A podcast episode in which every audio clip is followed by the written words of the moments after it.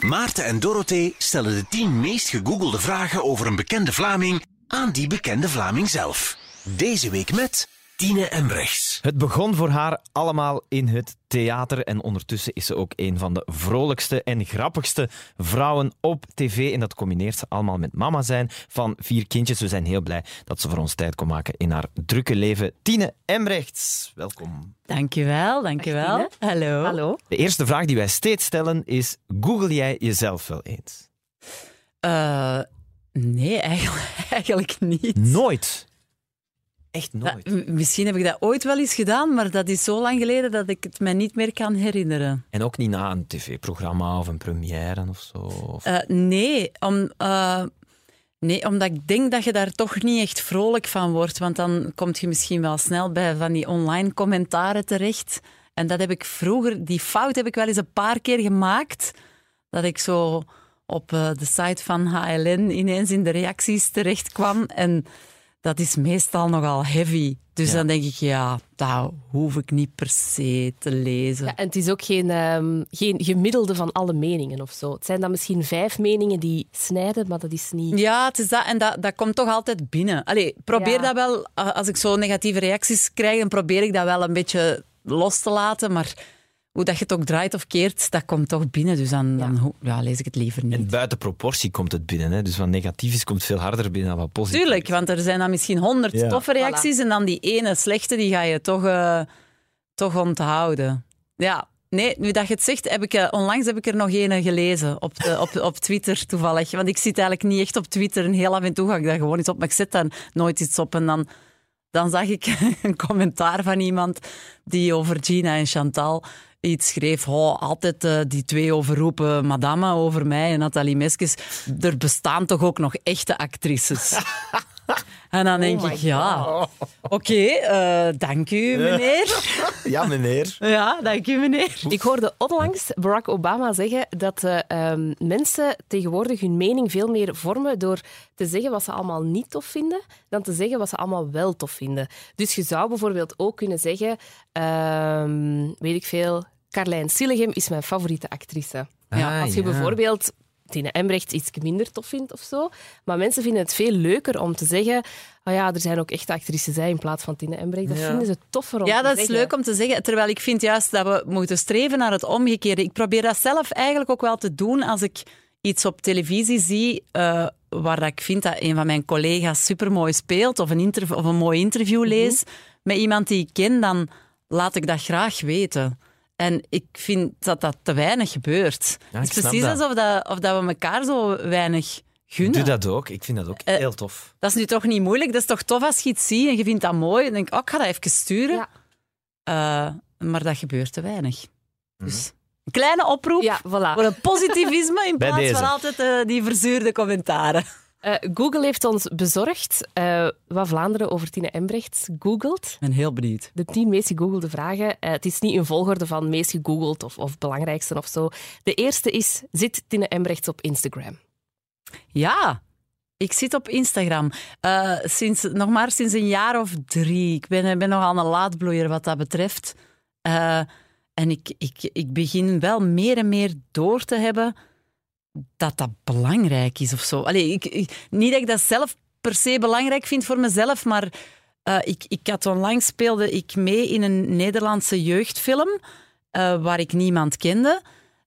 Maar ik, ik had daar casting voor gedaan. Ik mocht meespelen in die film. En het eerste wat mij gezegd werd, of gevraagd... Nee, gezegd werd, was niet van... Oh, ik, heb, ik ken jou vandaag, of ik heb je even opgezocht.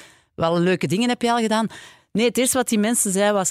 Nou, wat heb jij veel volgers op Instagram? En dacht ik, oh, is dit nu de nieuwe norm geworden eigenlijk? Dus, dus het is belangrijker dat je veel volgers hebt op Instagram dan dat je mooie projecten hebt gedaan of zo. Dat vind ik wel een vreemde evolutie. Maar, goed, het is, het is, het is, eh, ja, het is een soort van constant... Ik gebruik het nu ook vooral om, als ik iets aan het doen ben, een toneelvoorstelling aan het spelen, of er, of er was een nieuwe aflevering van Gina en Chantal, om dat even kenbaar te maken aan Ah de mensen. tuurlijk. En heel af en toe geef ik wel iets privé, tot op zekere hoogte, want mijn twee kleine kindjes zal ik daar nooit op zetten, of toch niet met hun gezicht. Eh, maar ik vind, ja, het is een vorm van communicatie geworden. Hè? Ja. Eh, ja, en dat vind ik er wel tof aan. Leuker dan Facebook of dan Twitter. Ik vind het interessant dat je dat zegt van die kinderen, want dat, dat is wel goedkoop likes scoren. Hè? Als je een heel toffe, schattige foto van je kinderen online zet. Allee, ik voel dat sommige mensen Ja. dat wel veel doen, omdat ze dat leuk vinden. Dat dat, maar dat is ook moeilijk, want ja, het is ook, je bent ook fier op je kinderen natuurlijk. En je wilt ook dat. Ja, maar ik ben, Maar dat is een bewuste ja, maar keuze. dat is een bewuste keuze. Ik ben super fier op mijn kinderen en ik heb twee oudere kinderen die al zelf op eh, Instagram zitten. Ah, ja. Dus ja, die ga ik niet afschermen van de buitenwereld, want die, die verspreiden zichzelf al. Ja. Eh, dus dat vind ik leuk. Ik heb mijn oudste zoon maakt muziek en dan vind ik dat ook leuk om eh, zijn muziek ook wat te delen. En denk ik, oké, proud mommy, eh, dat doe ik dan wel. Maar die kleintjes, dat is ook, ja, zowel Laurent als ik zijn bekende koppen. Ik, die vragen er niet om, hè, om, om eh, gezien te worden. Dus laat die nog maar zo lang mogelijk in de anonimiteit. Ja, ja. Oh, het is ook kwetsbaar, hè? je maakt zo kwetsbaar. En jezelf ook, door je kinderen te laten zien aan de wereld. Ik vind, ja, dat is nu nog het kleine stukje dat, dat echt gewoon van ons moet blijven. Ja, ik snap het. Ja, Ja. wij hebben zo'n regel thuis, maar ik heb dat hier al gezegd, hè, dat ze één jaar, vanaf één jaar stopt het. Omdat we dan zo het gevoel hebben dat je hun gezichtje zo begint te Ja. herkennen. Zo. Dan hebben ze hun gezicht zo Dat is waar. voor hun leven. Dus eh, bij mijn dochter stoppen we nu, want die wordt nu één jaar. Ja, en op een gegeven moment zullen die dat zelf wel aangeven. Sowieso. Van, want dat, dat gaat ook zo snel. Allee, als mijn grote jongens die leeftijd hadden van mijn kleintjes, dan bestond dat allemaal nog niet. Dus dat, die vraag stelde zich niet. Maar nu, ja, je wordt wel verplicht om erover na te denken. En de invloed van de social media en van die Instagram, ja, dat begint mij nu pas ook te dagen. Zo, oké, ja, ik, ik heb dat heel lang genegeerd van, ja, ik ben daar niet goed in, pff, laat het maar zitten. Maar ja, eh, nu denk ik, ik gebruik het. Ik wil ook, als ik ga spelen, wil ik dat mijn zalen vol zitten. Ja, En- ik wou net zeggen, je kunt er ook eh uw, uw werk, dat is ook belangrijk voor uw werk, want inderdaad, die Nederlanders die checken u op Instagram, die zien, amai, die heeft veel volgers, en die concluderen, die is dus groot in Vlaanderen Ja. en zal dus wel goed zijn. Ja, vak. eigenlijk wel. Ja. Terwijl het een heeft niet altijd te maken met het ander. Ik vind niet, omdat je goed, gro- groot bent, dat je goed bent. je En weet niet hoe die auditie is gegaan. Hè? Misschien heeft ze daar ene gezegd van, nou, heeft wel veel volgers. Ja, dat zou dus kunnen. Maar dat Kan. vind ik ook wel een beetje griezelig. Ja, Is dat dan de nieuwe norm? Oh, nou ja, die heeft veel volgers. Die doen we. Nou, die doen we. Die kan lekker veel eh, reclame maken. Het zou kunnen, hè? maar dan denk ik, ja, uiteindelijk komt het er nog altijd op neer als je op een filmset staat, dat je het goed moet doen. En als je het slecht doet, dan eh, is het vooral slechte reclame Die voor auditie jezelf. zal ook wel goed geweest zijn. Maar ja, Ongetwijfeld.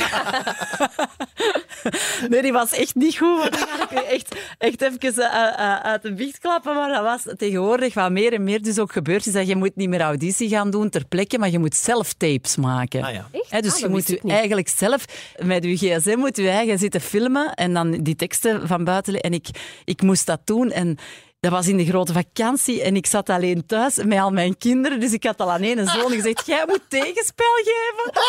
Eh, dus die was tegenspel aan het geven. Mijn andere twee kinderen liepen heel de tijd in beeld.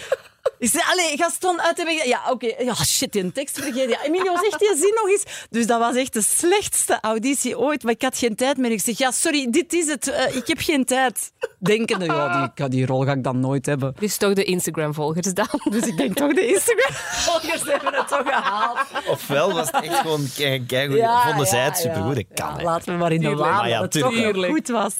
Oké, we naar de tweede vraag gaan? Ja. Ehm, je, je vermeldde hem daarnet al. Ehm, is Tine Embrechts samen met Guga Baul, tussen haakjes zegt de naam Laurent Maillot, Ja, zijn er mensen die zich dan nog afvragen? Ja, blijkbaar. Ja, ik ben toch wel samen. Ik ben vooral samen met Laurent Bayeul. Ja, Guga. Ik, vind, ik zeg nooit Guga tegen hem. Nee, ik wou ook vragen, want hoe stelt hij zichzelf voor eigenlijk? Altijd. Ehm, Gewoon, ik ben Laurent? Eigenlijk meestal, ja, gewoon ik ben Laurent. Maar toen ik hem leerde kennen, dat was ja, bij Tegen de Sterren op, uiteraard. Toen ik daarbij kwam, eh, leerde ik hem kennen. En iedereen zei Guga. En ik vond dat zo raar. En ik, maar dat is toch niet je echte naam? Dus ik vind dat, altijd moeilijk om dan... Oké, dat is uw artiestennaam, je kiest daarvoor. Maar ik zeg liever gewoon Laurent, als dat uw naam is. En het grappige is dat toen ik bij Tegen de Sterren opkwam, zei iedereen Guga tegen hem. Maar ondertussen is dat ook geswitcht. Nathalie en Jonas en zo, die zijn allemaal Guga. En, en ondertussen zegt Nathalie ook gewoon terug Laurent. Ik vind dat een moeilijke naam, Guga Baul. En Hoe is hem daar eigenlijk op gekomen?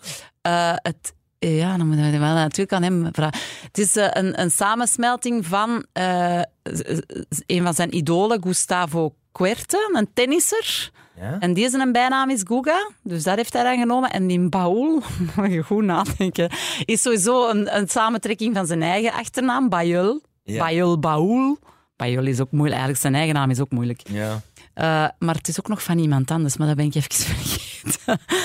maar ik zei ook van, ja, maar dat, hij is West-Vlaming, dus om dan Guga in, in West... Hoa, hoaatje. Maar Laurent, laat ons gewoon nu afspreken dat we hem gewoon met z'n allen Laurent noemen. Dat is goed. Zeker voor deze, deze Hè? aflevering van de podcast. Nee, maar bij, bijvoorbeeld bij Goed Verlof was dat een issue. Eh, want eh, Dat is het, eh, programma dat jullie wij samen in de zomer gedaan hebben, het reisprogramma. Waar we, niet, allee, we deden het niet samen, we gingen om de beurt op reis, maar we deden mekaars voice-overs. En in de voice-over ja, benoem ik hem natuurlijk. Ja, zei ik ook soms gewoon schat. Maar ik zeg, ja, maar ik ga niet Guga zeggen hè, in de voice-over. Want ik zeg dat nooit. Dus dat voelt voor mij heel onwennig om Snap Guga ik. te zeggen. Dus ik... In de allereerste aflevering heb ik dan gezegd Laurent, hè, meer bekend voor jullie als Guga.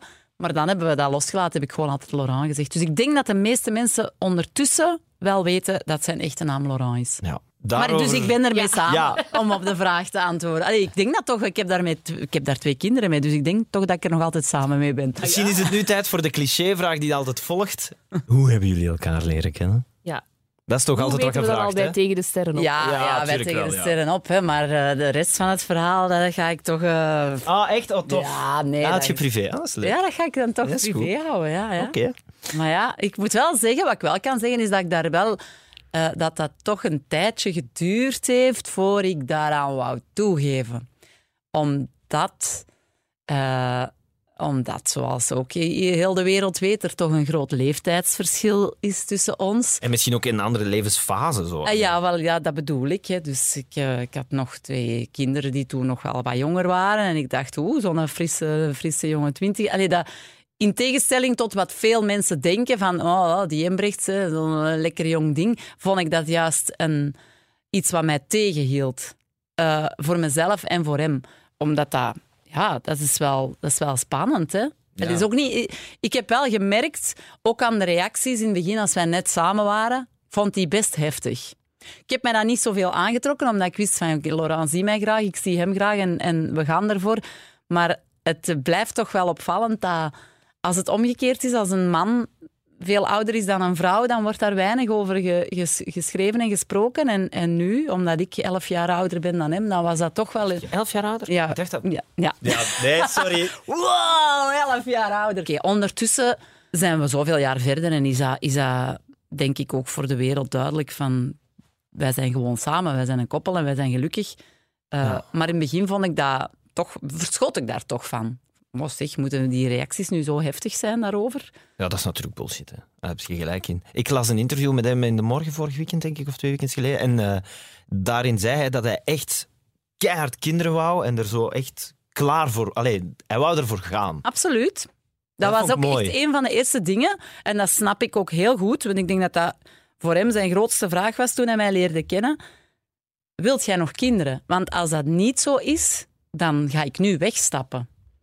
En dat vind ik eigenlijk super. Laurent is altijd heel duidelijk als het gaat over de dingen die hij wilt en voelt. En, en dat vind ik eigenlijk heerlijk. En dan, ja, dat- ik snap dat, die vraag ook van hem. Hij heeft in, vanaf het begin supergoed voor mijn twee oudste kinderen gezorgd, mijn twee grote jongens. Waar ik hem ook heel, heel dankbaar voor ben, want dat is niet altijd evident. Maar, eh, maar hij zei dat wel direct, van ik wil nog kinderen. Dus als jij zeker weet nee, dan, dan, dan, ga, ik gewoon, dan ga ik gewoon weg. Maar voor mij was dat... Ja, ik, ik wou sowieso nog wel een kindje. En dat zijn er nu nog twee geworden. Klopt, zeg. Ja, Ja. ja. Ja, want eh, hij, hij zei ook in dat interview dat, eh, dat elke dag zo wat anders, zeker in het begin, elke dag zo wat anders was. Soms zo zes man in huis, soms twee man in huis, soms vier Ja. man in Allee, zo. Dat ja, een- dat is een hele puzzel. Hè. Wij, zijn, eh, wij zijn een groot gezin, wat heel levendig en fijn is. Maar ehm, soms heb je het gevoel dat je drie gezinnen bent in één gezin. Dat, daarmee wil ik zeggen dat ondertussen is het anders. Nu zijn mijn grote kinderen altijd bij, bij mij, maar ik heb heel lang co-ouderschap gehad. Mhm. En dat is toch een wennen. wennen. Allee, je bent soms zijn inderdaad met, met, met zes thuis en dan ineens met die twee kleintjes. En dan zijn die twee kleintjes eens uitbesteed als wij alle twee moeten werken. En dan zijn alleen met die groten. En dan zijn die grote weg en dan zijn er met twee. En dat is heel moeilijk om daar een, een, eh, een structuur en een rust in te vinden in ons gezin. Dat is onze allergrootste zoektocht. Maar ik moet zeggen, nu dat de grote jongens, die zijn nu sinds een klein jaar, wonen die altijd ook bij mij. En dat is wel duidelijker. Dat is handiger. Het is heel druk en veel, Ja, maar... Ineens wel fulltime vier kindjes om Ja. voor te zorgen. Maar bon, mijn grote jongens, mijn oudste is 16. Ja, dat is... ja. Allee, die, daar moeten niet meer Ja, voor die, zorgen. hè. die gast dan, als hij naar zijn vader wil, zelf naar zijn vader. Ja, ja, die regelt dat tuurlijk, wel. tuurlijk. Ja, ja, chill. Dat, eh, dat, dat, dat gaat allemaal gemakkelijk. Het lijkt mij een, eh, een hele uitdaging. Maar het ja. is, ja, het is zeker... Ja, wij, hebben- wij hebben niet het normale pad bewandeld van hoe dat, dat gaat. En ik denk zeker voor hem is dat heftiger dan voor mij. Hè? Eh, omdat hij heel veel van zijn eigen vrienden dan zie het klassieke patroon volgen van trouwen, een huisje verbouwen, kindjes. Zo groeien in het, in het concept gezin. Hè? Daarin, daarin de tijd krijgen om daarin te groeien en papa worden. En ja, hij is daarin gesmeten. Ja. Hij is ook nog eens enig kind, dus, dus kwam uit een heel beschermde, rustige omgeving thuis. En dan kom je daar hè, ook van Oostende, van het Zeetje, rustig, goede lucht. In Antwerpen, in Borgerhout, veel drukte. pff, pff. In dat gezin met die twee kinderen. Mijn, mijn kinderen maken veel muziek, dus dat is ook veel, er is veel lawaai in ons, in ons huis. Ik vind dat tof. Ik ben nog zelf ook zo opgegroeid in een gezin waar dat iedereen binnen en buiten liep. En, en voor Laurent was dat echt wel de eerste, de eerste jaren van... Wow, wat, wat is dit?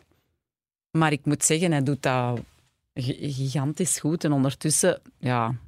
Nu, de grootste of de drukste factor zijn onze eigen twee kleine kindjes. Hè. Vooral die kleinste nu. Dus, dus ja, dan beleefde dat weer al anders. Maar wij zijn zeker geen typisch gezin. En wij zoeken elke dag opnieuw. En elke week opnieuw moeten we kijken, hoe gaan we dat deze week doen? Wat heb jij te doen van werk? Wanneer moeten we babysitten? Allee, we hebben geen, geen structuur door ons job ook. Ja, ja. En dat is wel echt een puzzel die je, die je elke week opnieuw moet leggen en die, die best veel energie vraagt. Ik vind de, de regeling van alles vraagt van ons meer energie dan, dan onze job zelf. Een goede Google Calendar nodig. Ja, ja, eigenlijk wel. Vind je het dan soms leuk om daar even met twee zo uit te stappen en eens met twee, weet ik veel, op vakantie te gaan? Of... Ja, ja, absoluut. Maar dat, dat, is, staat, dat is nu op, staat nu op ons verlanglijstje. Want dat hebben we eigenlijk al lang niet meer gedaan. We zijn nu vorige week even met, met ons gezessen nog eens op reis gegaan. En eigenlijk komen we als die kapot thuis. Hè. Ja, tuurlijk, ja. Dat is Ja, ook zo'n groot busje nodig. moe. Echt super. Ja, maar dat, het is leuk, hè, maar dat is... Ik wil dat, en ik wil daar ook niet te veel over zagen, want soms heb ik het gevoel dat ik wel ook veel zaag over het feit hoe vermoeiend dat dat is. Maar het is gewoon vermoeiend. En ik ben... Ja, daar moeten we ook eerlijk in zijn. Ik ben nogal oud aan mijn laatste twee kinderen begonnen. En ik voel dat wel echt. Dat dat een, Hoe oud waart je toen? eh, ja, ik ben nu 44, dus ik ben op mijn 42 voor de laatste keer ja. ja, mama geworden. Hè. Van Gaston op mijn 40 en dan van Maurice Ja. op mijn 42. Ja, ik voel dat wel. Bij mijn, bij mijn eerste kleine was ik 27. Ja, dat is een verschil hè, in puur Ja. energie. Je hebt gewoon meer energie om die nachten te doen. Om, je recupereert sneller. En ik weet van mezelf dat ik best veel energie heb, maar toch is het wel... Het is echt een verschil. Dus... eh, Niet te veel alcohol en, eh, en korte... Allee, ja, gewoon Jawel, jezelf om verzorgen. te compenseren. En Als die anderen hier in doorslapen. bed liggen. Oh, alcohol. Nee, oké, maar het is eigenlijk topsport, dat wou ik eigenlijk zeggen. Ja, eigenlijk ja, wel. ja. Eigenlijk wel. De derde vraag, we hebben het er eigenlijk al over gehad. Hij heeft Tine Embrechts kinderen? Ja, dus. Hè. Ja, ja, voilà. Ja. Meer dan genoeg. Komen ze dan onderling ook goed overeen? De twee ouderen met eh, eh, jongeren? Allee, ik weet, ze zijn natuurlijk nog heel klein, hè, maar vinden die dat tof? Zo nog Ja. kindjes erbij? Die vinden dat op zich wel tof. Niet elke dag, zeker niet elke dag. Dus ik zie die ook wel. hè. Ik, ik heb twee pubers, een kleuter en een peuter. Allemaal jongens. allemaal jongens.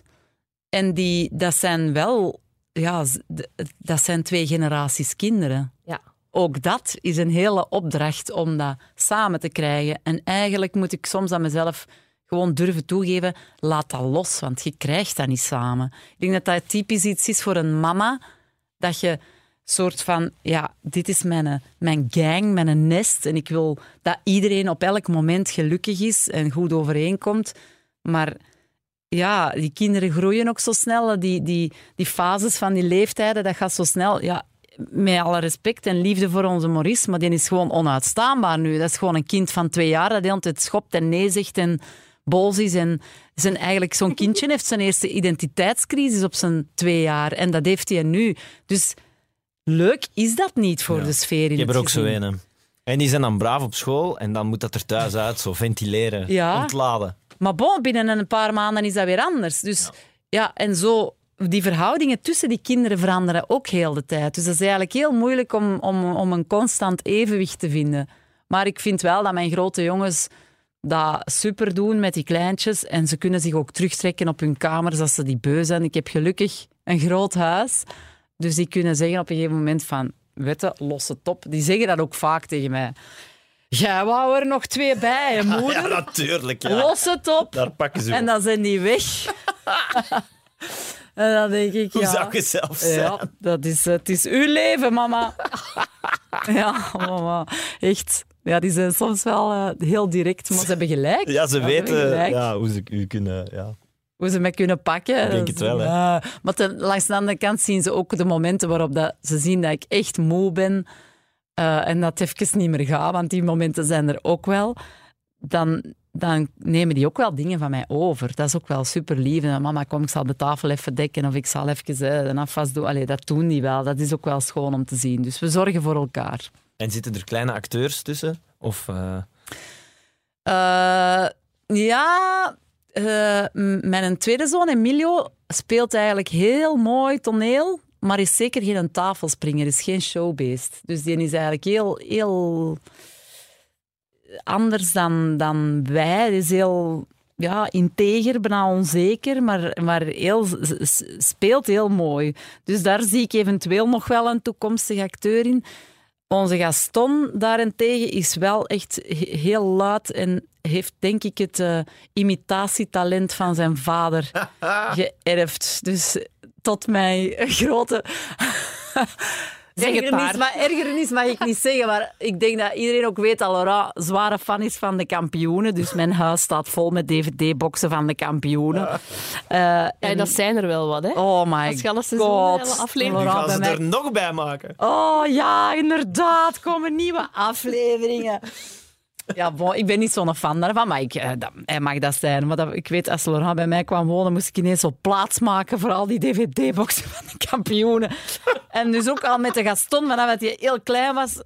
Laurent kijkt graag om zich te ontspannen naar FC de kampioenen Ja, maar- met de Gaston. Dus al vanaf dat hij anderhalf of twee is, eh, is die kleine Gaston... Bij gedacht, papa.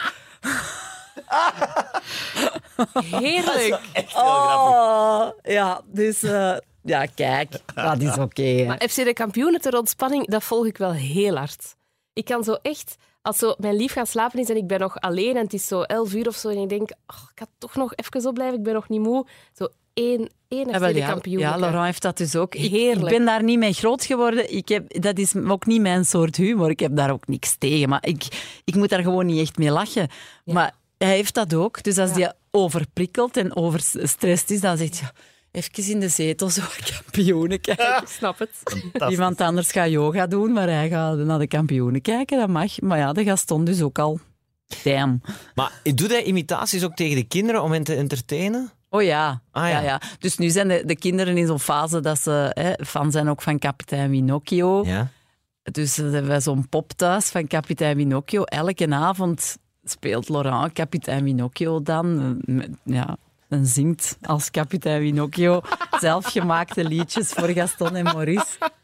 Ja, dat is kei leuk natuurlijk. Hè? Dat, ik, moet ook altijd, ik vind dat nog altijd superleuk dat, dat, dat Laurent zo kan imiteren. Want je doet dat ook niet alleen met bekende mensen, maar ook gewoon mijn vader, mijn broers. Als wij aan het verbouwen waren twee jaar geleden, de architect, de aannemer, Niemand is poetsvrouw. Niemand is veilig. ik moet er nog altijd super hard mee lachen, dus ik vind dat heel leuk. De vierde vraag. Waar woont Tine Embrecht? Ik woon in Borgerhout in Antwerpen. ehm, en ik woon daar eigenlijk heel graag. Ik, eh, maar, allee, het is dubbel. Ik, ik, eh, soms snak ik naar meer rust en meer groen. Langs de andere kant, ik, heb- ik heb een heel fijn huis, eh 16 jaar geleden kunnen kopen. Naast uw broer zeker? Naast mijn broer, ja, eigenlijk heel tof. We hebben dat gekocht van de nonnetjes. Dat is, als ik daar voor de eerste keer toe, was, toe kwam, dat, dat zijn twee huizen. En dat was eigenlijk een klooster. Dus we hebben dat huis moeten ontwijden. Allee, dat werd gedaan voor ons. want Dat is echt zo'n... hè, dat moet dan officieel gebeuren. Dus de, de, waar nu onze slaapkamers zijn, dat was één grote kapel. Dus wij slapen eigenlijk waar het altaar stond. Wauw. En eh, mijn eerste beeld als ik daar binnenkwam was zo'n nonneke die in de hof aan het harken was. En we hebben ook in de tuin een soort van grotje, eh, zo'n rots met nog een Maria-beeld in, en vlak naast de kerk. Dat is een, daar hangt een hele leuke sfeer. We hebben natuurlijk, eh, Pieter en ik, mijn broer, hebben die twee huizen naast elkaar gekocht. En ik vind dat heel tof, want dat is een beetje wat ik vroeger ook had bij ons thuis. Dat was zo'n plek waar iedereen binnenviel. Al onze vrienden waren altijd welkom. Mijn ouders organiseerden zo. Mijn moeder is ook veel met muziek bezig. Organiseerde dan klassieke eh, concertjes, huiskamerconcerten. Dus wij hebben zo dat van, van, van, van thuis uit meegekregen van kom maar, kom maar binnen. En ik vind dat heel leuk dat ik nu naast Pieter woon. En wij hebben dat ook zo, ook bij elkaar. Ja, we komen bij elkaar. Pieter komt bij ons thee drinken. Wij, als, als iemand bij hem op bezoek is, dan, dan komen wij binnenvallen. En ik vind dat heel, ik vind dat heel aangenaam. Ik, vind, ik, hou niet zo van... Ieder heeft zijn huisje en alles toe en dicht. En ik mis ook het feit dat er zo... Dat, ik vind dat dat te weinig gebeurt, dat mensen gewoon bij elkaar komen binnenvallen. Tegenwoordig moeten hè, altijd afspraken hebben met de gsm. en- Maar gewoon komen bellen, gelijk dat ik vroeger ging spelen bij mijn vriendinnetjes. Hallo, is Marie thuis? En Zo, ah ja, kom maar. Ik zou eigenlijk veel liever hebben dat mensen dat terug wat meer doen. Echt? Ja. Ik vind dat vervelend. Ik heb, ik Ah, maar dat is toch omdat je dat niet gewoon bent? Ja, misschien wel. Misschien wel. Ik, ik, eh, eh, ja, ik vind, dat, ik vind dat heerlijk. Maar bon, dus ik woon in Borgerhout, in deze, ik, een, een zeer multiculturele buurt. Ik wo- ik woon tussen de Marokkanen. Ik vind dat, ik vind dat ook heel, heel fijn eigenlijk. Eh, alle kleuren, alle nationaliteiten. Eh, er gaan altijd heel veel wilde verhalen de ronden over Borgerhout. Onterecht, vind ik. Borgerhout is de max. Je bent niet de eerste die eh, dit vertelt eh, in deze podcast. Ook ehm, Herman Verbrugge heeft dat Ah gedaan. ja, ja. Die heeft ook heel zijn liefde voor Borgerhout hier geëtaleerd. Dat moet toch wel iets tof zijn? Ja, maar daar, daar, daar gebeurt gewoon veel. Daar is een, daar is een leuke sfeer. En ik denk dat, dat wij ook allemaal een soort van strijdvaardig zijn. Juist omdat er vaak zo negatief over Borgerhout gesproken wordt. Ja. Alsof dat, hè, Borger Rocco, eh, of dat... Oké, dat is niet de mooiste plek op aarde, Borgerhout. Daar moeten we eerlijk in zijn. Oké. Het is veel te weinig groen. Het is, het is druk. Maar ja, ik vind, dat, ik vind dat juist. Ik denk, steekt mij in een villa-wijkje in Schoten. Ik zou doodongelukkig worden van de saaiheid gewoon. ik vind dat tof dat, dat, je, dat je alles hebt. We, we hebben ons, ons kruiden... Er hangt een heel dorpse mentaliteit eigenlijk. Alles is altijd open. Als ik op zondag iets nodig heb... Hey, dat fruit van bij ons, bij de Marokkaan, is tien keer beter en goedkoper dan dat van in de lijst. Eh, je kunt altijd overal terecht. Oei, ik heb, me, ik heb even geen centen bij. Wow, maar kom maar. Hey, Tineke, kom morgen maar terug. eh, Ik krijg dat wel. Zalig. Eh, Dat, ik vind dat leuk. Ik, ik, ik, ik hou er... allee, Ik moet ook niet naïef doen. Natuurlijk zijn er ook problemen, maar die zijn er overal. Ik ben dat natuurlijk ook gewoon. Ik, ik ben zelf afkomstig van Mortsel en ik ben wel altijd al vanaf de eerste kleuterklas in Antwerpen naar school gegaan. Dus ik ben gewoon een stadskind. Ja. En ik merk dat aan mijn, mijn eigen kinderen ook. Want soms hebben wij het er wel over. Hè, Laurent is van Oostende. Die vindt dat soms moeilijk om in Antwerpen te wonen omwille van de dingen die ik nu allemaal die ik positief vind, vindt hij moeilijk. Maar dat is gewoonte. Ja. De drukte en de, alle, alle in- indrukken die je constant krijgt. En, en soms praten we er wel over van ja, misschien moeten we een beetje meer, meer naar de rand van Antwerpen gaan wonen, ietsje meer weg van, dat, van die drukte. En dan kloppen mijn oudste kinderen direct op tafel. Mama, nee, wij willen in de stad blijven. Die zijn ondertussen ook... Ja. Dat is ook een gemak, hè. Mijn kinderen zijn eigenlijk heel zelfstandig. Die gaan met de fiets, die pakken op de trein, op Bruggen of naar daar. Die, die kunnen dat allemaal. Alles is te doen met de fiets. Ik moet nooit in mijn auto mijn kinderen gaan wegbrengen. Hè, want dat heb je dan wel. Je woont dan misschien wel in het groen als je ergens eh, uit de stad woont, maar je moet voor alles in je auto kruipen. Dus is dat dan zoveel beter? Dat is ook wel iets waar ik mee bezig ben. Ik probeer ook in de stad zoveel mogelijk met mijn fiets te doen. eh, niet de auto te gebruiken, want daar word je alleen maar boos en gefrustreerd van. hè. En, en de, de lucht is al om zeep. Ja. ja. De volgende vraag, Oké. de vijfde. Ja. Sluit er eigenlijk opnieuw toevallig op aan. Heeft Tine Embrechts een broer? Over eentje hebben we het al gehad, hè? Ja. Ik heb eh, twee broers. Ik ben de jongste. Eh, en ik heb twee oudere broers. Eh, Pieter, die misschien wel gekend is eh, als zanger en acteur ook. Hier in België is hij meer gekend als zanger. Dus hij, eh, Pieter kan prachtig zingen en eigen muziek maken. Eh, en dan heb ik nog een oudere broer, Bert. En dat is een muzikant, een bassist. Die zouden ook nog kunnen kennen. Misschien zijn jullie wat te jong. Maar die is jarenlang de vaste bassist geweest van de laatste showband. Dus Ja. die heeft al die jaren bij, in, ja, bij de laatste show Maar dat is gespeeld. zo typisch iemand waarvan je dan zegt, waar ken ik die van? Zo, dat. Ah, ja, ja, ja. Ja, omdat dat natuurlijk geen frontman Nee, voilà. is. Hè? Dat is typisch ook voor bassisten. Die Ja. zijn, Bert is een heel ander karakter. Die is zo wat... wow, meer op het wel, Een typische muzikant ook wel. Maar ja, dat is een, een fantastische bassist. Eh, voilà, dus ja, ik ben, ik ben echt... Ik was zo het aanhangseltje van mijn twee grote broers. Hè. Vroeger ook, dat waren mijn, mijn helden. En, en al van jongs af aan werd er bij ons thuis gemusiceerd. We hadden een tuinkot in de, in de nof. En dat, dat is dan vanaf dat mijn broers zo in hun puberjaren kwamen, werd dat omgetoverd tot repetitiekot. En alle groepen van, van in de omgeving kwamen bij ons repeteren. En ik zat altijd met grote ogen naar mijn broers te kijken. En ik wou meedoen en ik mocht natuurlijk nooit, want ik was maar het saaie kleine zusje die niet cool gitaar speelde, gelijk zij. Dus, eh, maar heel leuk. Ik ben altijd heel blij geweest met mijn twee, twee grote broers. En die hebben mij zelfs ook de weg gewezen of zo. Ik denk dat dat ook typisch is, hè, van zo de, de derde, de tweede of de derde in de rij. Je volgt alles mee. Van, als mijn broer Pieter geen toneelschool was gaan doen, dan zou ik dat zelf ook nooit hebben gedaan. Want het is maar door hem bezig te zien op Herman Teiling dat ik dacht, wauw, en dat doen die en dat en dat en dat, dat wil ik ook doen. Anders had ik dat nooit gedaan, denk ik. Dus dank u, broers. Amai. Hebben jullie veel samen gespeeld? Wij hebben, dus ja, zoals ik al zei, die wouden nooit iets met mij samen doen. Die, ik, ja, maar ik, ik wil een beetje zingen. Ik, ik, willen jullie met mij geen groepje? Nee, Tine, nee, jij doet niet mee. Eh, en dan uiteindelijk heeft dat geduurd tot, tot ik in het laatste jaar zat van eh, Herman Teiling van de toneelschool. Ik deed eerst kleinkunst en dan was ik overgestapt naar toneel. Maar ik maakte wel graag eh, muziek.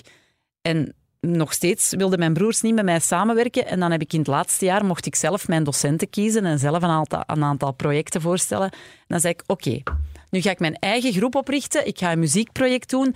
En jullie zijn mijn docenten. En ik zorg ervoor dat jullie betaald worden. En toen wouden ze met mij samenwerken. en dan hebben wij een tijd, een aantal jaar, ik denk toch gedurende vier, vijf jaar, het groepje met de ontzettend slechte naam De Embryo's gehad, hè, van de Embrechtse. Eh, eh, en dat waren eigenlijk een soort van softe Engelstalige popsongs van mijn hand, eh, gearrangeerd door mijn broers. En daar heb ik wel, ja, hebben wij best wel veel mee gespeeld. Zo, dat is eigenlijk voor mij mijn start geweest als eh, zangeres. Later heb ik nog met Pieter eh, bij El Tattoo del Tigre gespeeld. Ah, Bert. Bert is, speelt nu binnenkort, ga ik terug toeren met eh, Jukebox 2020. Dat is een liedjesprogramma met Lucas van den Einde en Nele Bouws. Dat we zo 100 liedjes van de laatste 100 jaar, eh, Nederlandstalige liedjes, gaan zingen met een live band. En dan is Bert zit dan mee in een band.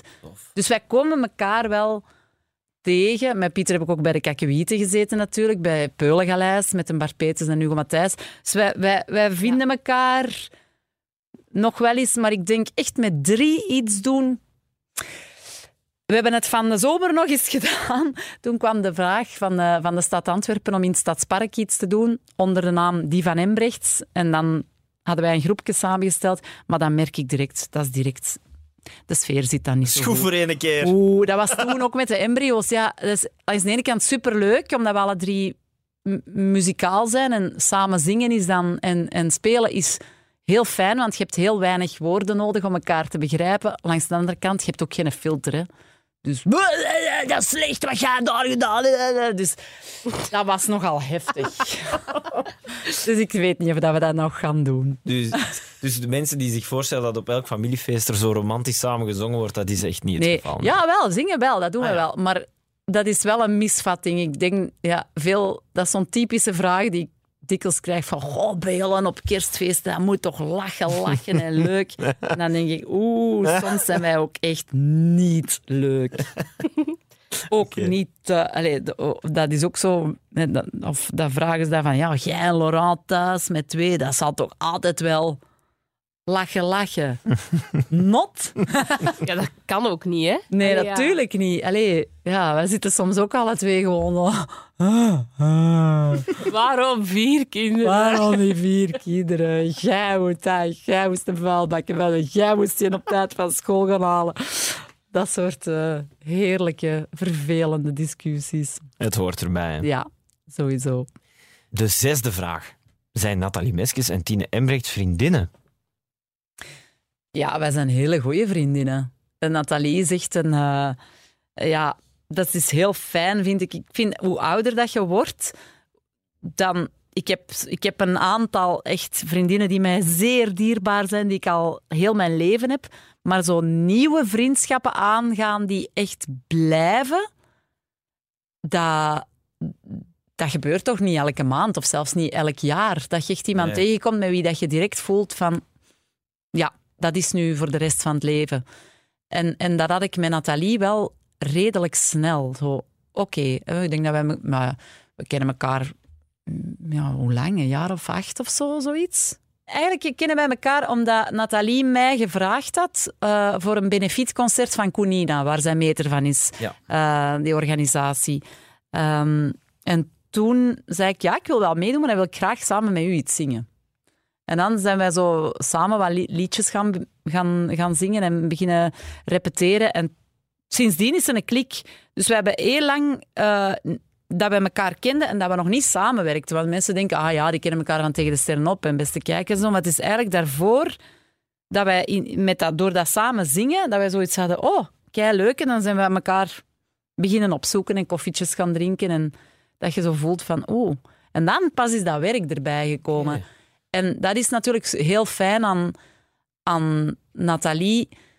Ehm, ik heb nog een aantal echt super fijne, goede vriendinnen. Maar het goede aan Nathalie is dat zij op, tot op zekere hoogte ook, ook in datzelfde vak zit. En dat je dus niet alleen over privézaken elkaar vindt en heel veel kunt babbelen en eh elkaar raad geven, maar ook over werk. Om, omdat dat iets is wat, je, wat je anderen niet altijd lastig mee wilt vallen. Want mijn andere vriendinnen hebben daar misschien niet, geen boodschap aan. En dingen, dingen waar dat je over twijfelt of waar, dat je mee, ja, waar dat je mee inzit of waar dat je mee bezig bent. En dat is gewoon heel fijn met Nathalie, dat, dat dat ook op dat vlak, dat we heel veel aan elkaar hebben. En ik vind Nathalie is ook iemand waar ik heel veel van kan leren. Dat is zo...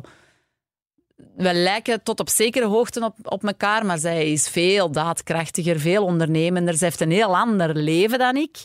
Dus we, we kunnen elkaar zo... Ik vind dat heel, heel verfrissend om, eh, om, om haar bezig te zien en om elkaar te praten. Ik ben nu super benieuwd hoe dat, dat gaat zijn als zij mama wordt. Ja. Dat ben ik echt zo... Ik vind dat zo leuk. Eh, ja, dus ik ben heel benieuwd hoe dat, dat gaat, zi- gaat zijn. Gewoon om die kant van haar te leren kennen. Ja, Ja. ja, want ik, ik denk dat zij een supermama gaat zijn. Maar dat is... Ja, als, als, als een vrouw moeder wordt, dan gebeurt er toch wel iets. Ja. Dat, je ziet dat eigenlijk al vanaf dat een vrouw in verwachting is, zie je dat. Er komt een andere gloed. Er komt een, een zachtheid die er daarvoor niet was. Eigenlijk bij elke vrouw, vind ik. Niet dat Nathalie geen zachtheid heeft, maar, ehm, maar het is wel een heel sterke vrouw. En, en ik ben, ben gewoon heel blij voor haar dat, zij nu, dat, dat, dat die mama-kant er ook bij komt. En ik ben gewoon benieuwd. Ik denk dat zij dat super gaat doen en dat ze daar ook ongelooflijk hard van gaat genieten. En ook gaat afzien natuurlijk de eerste twee jaar, zoals wij allemaal. Hè, want we moeten het ook niet rooskleuriger voorstellen dan het is. Het is ook gewoon zo kei zwaar. Ja. ja. Maar bon, die gaat dat goed doen. De zevende vraag. Speelt Tine Embrechts mee in Tegen de Sterren op?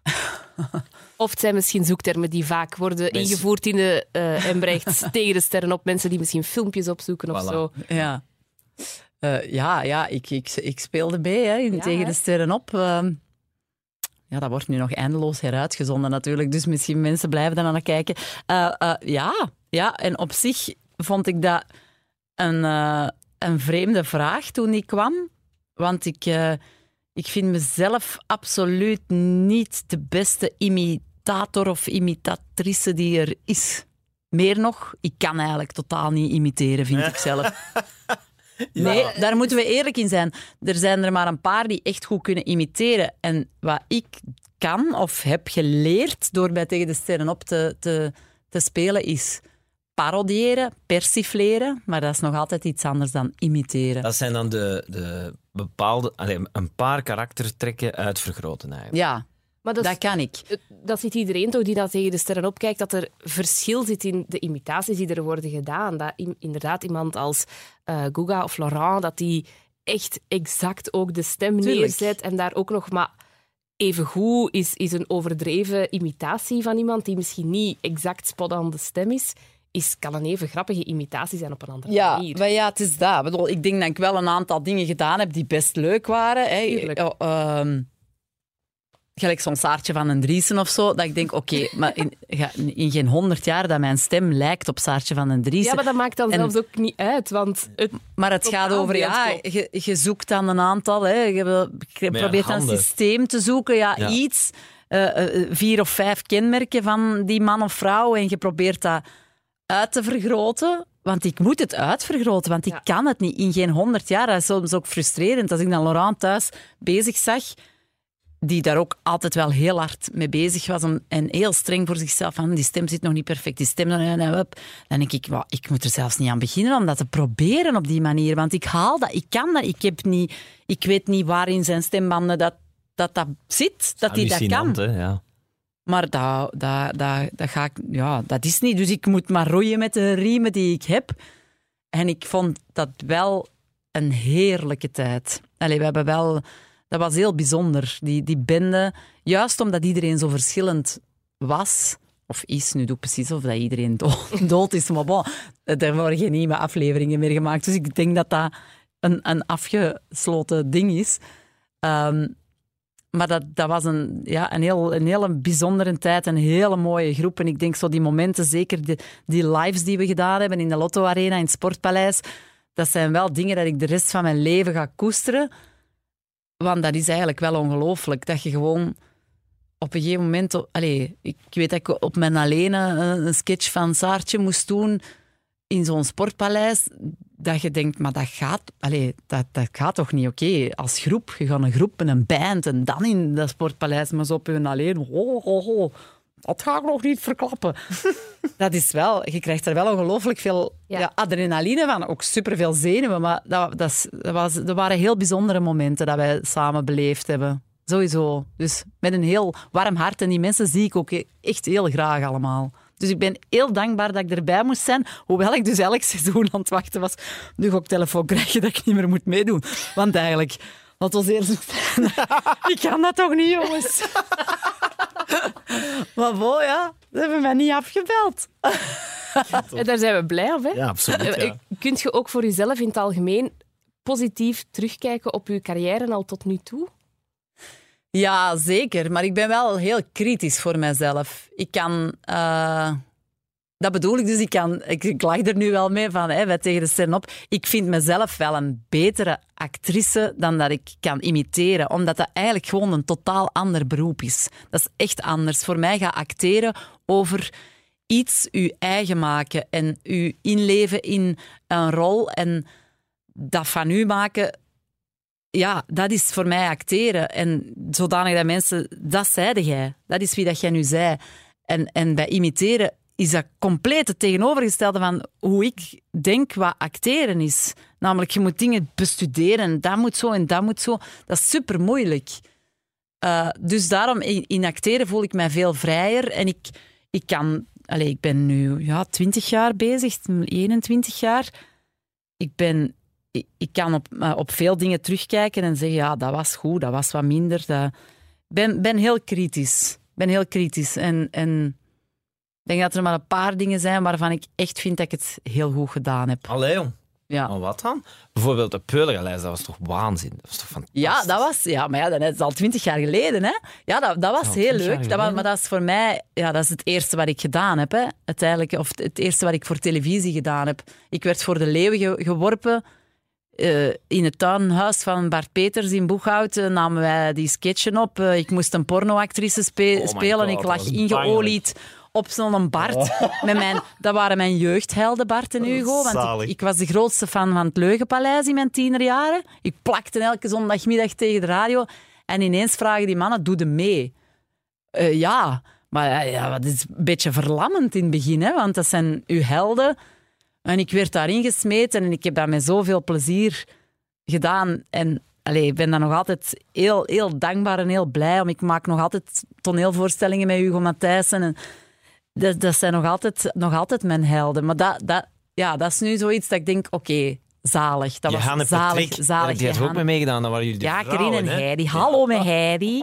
En dan een Hagar, onze hond. En Johanna en Patrick van aan een Duitse grens voor hun contactlenzen te gaan zoeken. Maar is dat al zo lang Waanzin geleden? Wauw.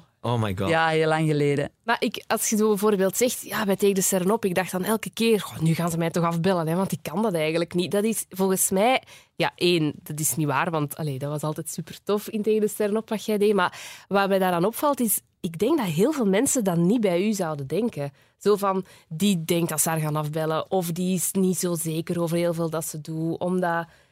Misschien Ja. is omdat je zo niet overkomt, omdat je misschien altijd heel vrolijk of heel, kom, we doen dat hier even. Ja, dat, Overkomt, ja, dat zou kunnen, eh. terwijl... Ja, dat is natuurlijk... Mensen hebben daar ook misschien weinig boodschap aan het feit dat je on- onzeker bent over sommige dingen. Ehm, het is ook niet dat ik zo helemaal... Dat mij dat, eh, dat mij dat lam ligt van onzekerheid. Ik, ik weet dat ik wel mee overal kan inspringen en mij smijten. Ehm, maar ja, als ik dan terugkijk op, op dingen die ik gespeeld heb, soms ik verplicht mij ook meer en meer hoe ouder ik word om echt te kijken. Om wel, want vroeger vond ik dat heel moeilijk om naar mezelf te kijken. Maar nu doe ik dat wel meer en meer. Ook om te leren, om je te verbeteren. Eh, ja, en, en soms denk je gewoon, ja, Tine, dat komt dat komt beter. Maar gelijk bij Tegen de Stand-Up weet ik ook, dat, dat was vaak live hè, met een publiek. En je doet dat dan maar één of twee keer. Ja, En je hebt eigenlijk vrij weinig voorbereidingstijd. Soms was dat maar de avond ervoor. Dat, die, dat, dat ze zeiden, oké, kun jij morgen dat doen? Ik weet dat mijn dieptepunt was dat ik op een gegeven moment Bruno van den Broeke als jurylid van De Slimste Mens moest nadoen. Ik denk, ik weet niet of dat daar ergens nog beelden van bestaan, maar dat is met stip het allerslechtste wat ik ooit... Dat trok er echt in de verste verte niet op. En dat ik ook echt waar dacht achteraf, maar Tina, wat is dat? En ik zei ook nog vlak voor die opname, zeg, nee, dat gaat niet lukken. Jawel, jawel. Je ziet er gewoon al heel grappig uit. En ja, dan doe je dat. Dan denk je, ja, ja, ja moet Zal ik dat? wel. Zal wel, maar nee. Er nee. moet iets het slechtste zijn. Ja, natuurlijk. natuurlijk. De achtste vraag. Eh, ook twee zoektermen. Tine Embrechts, bedgeheim, vraagteken. Misschien veel mensen die dat opzoeken. Ik denk dan dat het over James Cook gaat. Dat, Ah, heb ik daar iets gezegd? eh? Bedgeheimen. Ja, waarschijnlijk. Mensen- De rest heb ik nog weinig uit bed geklapt, denk ik. Wat je daar hebt gezegd over dat zwanger zijn een kleine financiële ramp is. Ah Of ja, dat werd dan toch wel wat Dat opgeblazen weer. Hè? Ja. Dat, dat, ja, dat is dan weer een beetje sensationeel Maar ja, je verwoord ligt daar ook een uur zeker en dan herleiden ze dat tot... Ja, maar nee, maar dat, was, dat gaat gewoon over de, de perceptie. Daar wou ik het even over hebben. Maar ik, ik herinner me nu, nu dat je het zegt, dat dat dan nou ergens op een kop op HLN... eh, Oeh, financiële ramp. En dan... Is dat niet het traject? Zo inderdaad een uur gezellig babbelen met James Cook. En dat wordt dan uiteraard een montageke in het programma. Ja, En natuurlijk. dat wordt dan, dan ook nog eens een keer één zinnetje als kop op HLN. Waardoor Ja. het dan een beetje Ja, want ik wil nu niet de redactie van Gert Late Night, die zullen dat wel heel deftig eh, gedaan Ja, ja, hebben. absoluut. Die hebben dat, die hebben dat, maar, maar en ik, eh, eh, dat is natuurlijk, dat klinkt gewoon een beetje sensationeel, maar ik, ik, wil, eh, ik, wil dat gerust wat verduidelijken. En ik meen dat ook. Dat is een soort van val, ja, perceptie dat mensen die voor televisie werken, dat die allemaal. Tjaka, tjaka, tjak, dat die stinkend rijk zijn. Dat, dat is ze niet. Nee. Ik, eh, ik ben ook aan niks of niemand verbonden. Ik ben ik ben een kleine zelfstandige. En als ik... eh, ik ben sinds vier jaar zelfstandige. Daarvoor was ik altijd in loondienst. hè. En dan tussendoor... Ja, dan moeten in- en uit dienst en, en, gaan doppen. En dat systeem paste niet meer echt bij mij. Dus ik dacht, ja, ik ga nu zelfstandige worden. En dat, ik vind dat toch moeilijk. Ik ben... Ik ben ja, als je dan zwanger bent en moet bevallen, dan kun er niet... Sowieso, als je zwanger bent als actrice, zijn een aantal rollen die je niet meer kunt doen. Dus dat wordt wel... Je inkomsten worden minder en je, je, hebt gewoon weinig inkomsten. En ik, ik, ik moet daar eerlijk in zijn. Ik heb geen gigantische spaarpot waar ik dan op kan terugvallen. Dat is eigenlijk het enige wat ik toen zei. Van, dat dat voor mijzelf ook confronterend was om te merken... Oei ja, als je dan zwanger bent en je bevalt en je kunt een aantal maanden niet, niet werken... En ik ben dan eigenlijk nog heel snel terug beginnen werken. Dus dat dat een stress geeft.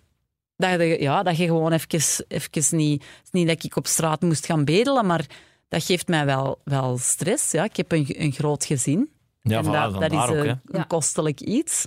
Verantwoordelijkheidsgevoel. En Ja, ja en, en door zelfstandige te worden, is dat toch een ander gevoel. Van, oké, dat moet, je moet wel blijven werken. Je moet, moet, moet. Eh, dat was eigenlijk het enige waar dat ik daar toen mee wou zeggen. Maar voor de rest pff, hoeft dat niet nu terug weer op HL. Nee. dat is een oproep. ja, Het is eigenlijk, ja, eigenlijk heel logisch, hè, inderdaad. Eh, als je niet werkt, verdien je geen geld. Hè. Ja, het is niet voilà. zo... Als zelfstandige. een, eh, moet ik het zeggen? Niet zo'n verrassende Nee. openbaring of zo. Maar het is wel een nee. misvatting dat mensen denken dat je rijk bent als je op tv komt. Dus, Ja, dat is gewoon een kleine, kleine misvatting. Ik denk, ja, op momenten dat, wij, dat je heel veel draaidagen hebt, dat je veel aan het filmen bent, dan verdien je best goed. Maar dat, daar komt altijd een periode achter dat dat niet is. En als je voor theater werkt, dan liggen die lonen veel lager. En dan, ja, dat, dat is ik denk dat vergelijkbaar met een, met een, allez, met een basisloon. Maar dat, dus, dus, dat, dat, dat is echt gewoon een misvatting. Ja, Ja. voilà. Bij deze De Wereldtijd. Voilà. De negende en de voorlaatste vraag. Tine Embrechts, Hugo Matthijssen, vraagteken. We hadden het er Ook al over. Hè? Vaak samen gegoogeld. We hebben het al gehad over uh, het Ja. Peulengaleis. Maar eh, Hugo Matthijssen, die was veel aanwezig op tv vroeger, maar nu... Ja, ik lees soms wel columns nog van hem, maar voor de rest, wat doet hij eigenlijk nu? Die heeft Hoe dat natuurlijk... Ja, ik vraag me dat af.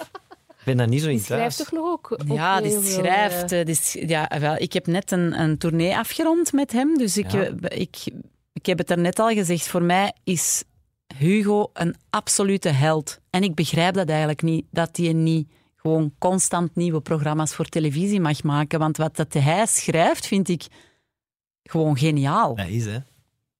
Ik moet daar zo hard mee lachen. En dat is ook dikwijls waar. Want mensen, mensen beschrijven de humor van Hugo vaak als compleet absurd en waanzinnig. Maar Hugo is een filosoof. Hè? Er zit altijd een, een, redenering in zijn verhalen, in zijn humor, die voor hem heel logisch is. Als je door die rare humor gaat, dan, dan is het... Ja, natuurlijk, hij heeft toch, hij heeft toch gelijk.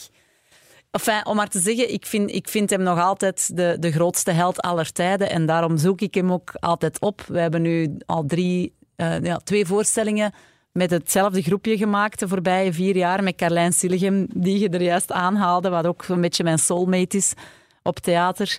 En dan Hugo, Ronnie Mossuze en Aram van Ballaert zijn de, de Clement Peres Exposition, die drie muzikanten. Dus met ons vijven Ah, maken ja. wij heel graag voorstellingen. Hij is een drummer zeker, die van... van Ja, Aram is eh, eigenlijk een geniale eh, klassieke gitarist, maar bij de Clement Ja. Peres is hij Lady Dave, de drummer.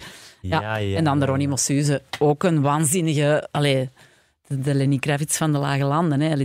Als, als Ronnie zingt, dan eh, gaat heel de zaal plat. Het zijn mensen in wiens buurt ik heel graag vertoef. Ehm, en waar dat ik ook altijd maar van hoop dat hij terug meer dingen voor tv... Ik heb horen waaien dat hij voor Sinterklaas natuurlijk ook wel vaak eh, dingen schrijft. Dag Dag Sinterklaas. Ja, ik heb er al een stukje van gezien. Dat is de end of En dat era. is natuurlijk van zijn hand. Hè? Dus Ja, eh, ja. dat is ook ontzettend mooi. Ja, het was een trailer, als ik het nu ga navertellen, gaat het minder grappig zijn dan dat je het ziet. Maar Sinterklaas moest heel lang over iets nadenken. En eh, eigenlijk is een trailer dat hij gewoon twee minuten heen en weer ijsbeert. En dat heel de cast achter hem loopt. En dat wordt heel grappig gedaan. En dat op zich vond ik dus al hilarisch. Terwijl dat, Ja. eigenlijk is dat zo maar kan zijn. Maar hij is, hij echt geniaal. In het, bijvoorbeeld in onze laatste voorstelling zat een nummer dat Ronnie Mossuze zong. Eh, en dat, dat nummer had als titel Dat moet ik eens gaan vragen in de keuken. En het ging over de ergernis dat als je ergens gaat, gaat eten, in een brasserie, en je bestelt een dagsoep, dat 9 van de 10 keer eh, je vraagt wat is de dagsoep, dat de ober zegt dat moet ik eens gaan vragen in de keuken. En daar schrijft hij dan een nummer, een emotioneel nummer, dat de Ronnie dan uit volle borst zingt. een wereldhit, echt waar. Hè? Ik Maar- zeg tegen Hugo, je moet dat uitbrengen. Dat is een tophit. En dat, omdat dat juist zo herkenbaar is. Natuurlijk, iedereen maakt dat mee. En, eh, ja, voilà. Dus dat soort dingen kan hij, dan, kan hij dan schrijven. Ik vind dat heerlijk. Heerlijk. De laatste vraag. Tine Embrecht, Waze. Ah ja. Omdat ik, een- ik een stemmetje ingesproken voor Waze. Ik heb het, stelde dat daarom. Ja, ik- dat was denk ik van, ja, nee, ja, dat was naar aanleiding van Goed Verlof. Werd ons gevraagd aan eh, Laurent en ik om, eh, om eh, de Waze in te spreken. Ja, we hebben dat zo wat tussen de soep en de patatten even gedaan. Maar ik heb mijn eigen na, na een maand terug afgezet. Ik vond dat zo vervelend. Met jezelf Oh, rondgereden ook. maar ja, ik wou even horen wat dat, wat, wat dat was. Maar ja, je spreekt dat dan zo in, in alle dialectjes. En oh, zo vervelend vond ik. En, Maar en- is dat dan? Als je, want ik heb het nog niet gecheckt, maar dat is als, ja, als je naar links gaat, dat jij dan zegt... Ah ja, maar ja, Maar- ik denk dan, ik ga niet gewoon zeggen de volgende naar links. Nee, je moet de volgende naar links gaan. Aha, oh, pas op, want daar is er gevaar. Een stilstaande auto. Dus ik haal dan zo wat alles uit mijn kast om er iets leuk mee te doen. Maar ja, dan tijd. spreekt ze dat in. En de Laurent helemaal. Die van Laurent was gevaarlijk zelfs. Ik, gebruik, ik, ik snap niet dat ze die gebruikt hebben. Want die, die zei echt... eh, de volgende eh, naar links. Nee, of toch naar, nee, naar rechts. Pak maar naar rechts. Of nee, toch naar links. Als je zo aan het rijden bent, dat is gewoon levensgevaarlijk. Ja, lees dat, dat ze dat hebben toegestemd, dat versta ik niet. Dus ik heb dat nu gewoon terug op die basisman, eh, die basisstem van Waze gezet. want- Hoe werkt dat? Dat vraag ik mij af. Hoe, hoe leest je dat dan in? Zijn dat dan echt zo 20 A4 aflezen? En Ah nee, maar dat, is, dat, dat wordt toch heel tijd zo geknipt. Hè? Dus de volgende afslag... Nee, of, of over twee... Dan moet jij eerst gewoon inspreken over 200 meter. En dan volgende apart inspreken. Rechts afslaan. Links afslaan. Ja. En dan wordt dat helemaal in elkaar eh, geknipt. Ah, ja. Maar met dus dat je als gevolg hebt, als je verschillende dialectjes doet... Over 300 meter rechts afslaan. Maar ja, zo helemaal in elkaar... Ja. Werd echt onnozel van die stem van mij. Dus eh, je kunt dat eens voor een dag proberen, maar ik denk dat je snel terug naar de basisstemmen gaat gaan. Wat mogen wij jou toewensen voor de, de toekomst, Tine Embrecht? Brave kindjes. Oké. Ja, nee, wat mogen wij toewensen? Ehm, ik hoop, ja, vo- vooral op eh, veel rust en plezier binnen mijn gezin. En, eh, en, en- en nog wat fijne rollen in de toekomst. Want dat is, eh, ik, dat, dat doe ik toch het liefst, hè, spelen. Dus ik, ik hoop dat ik nog gewoon nog lang kan blijven toneel spelen en dingen maken. Hm. Voilà. Dus wie een goede actrice nodig heeft, Hey. Tine Embrecht. En ze heeft veel volgers op Instagram. Dus Hey. Hey, nou, dat is een serieuze proef. Merci dat je wou langskomen. Heel graag gedaan. Salut, hè. Joe.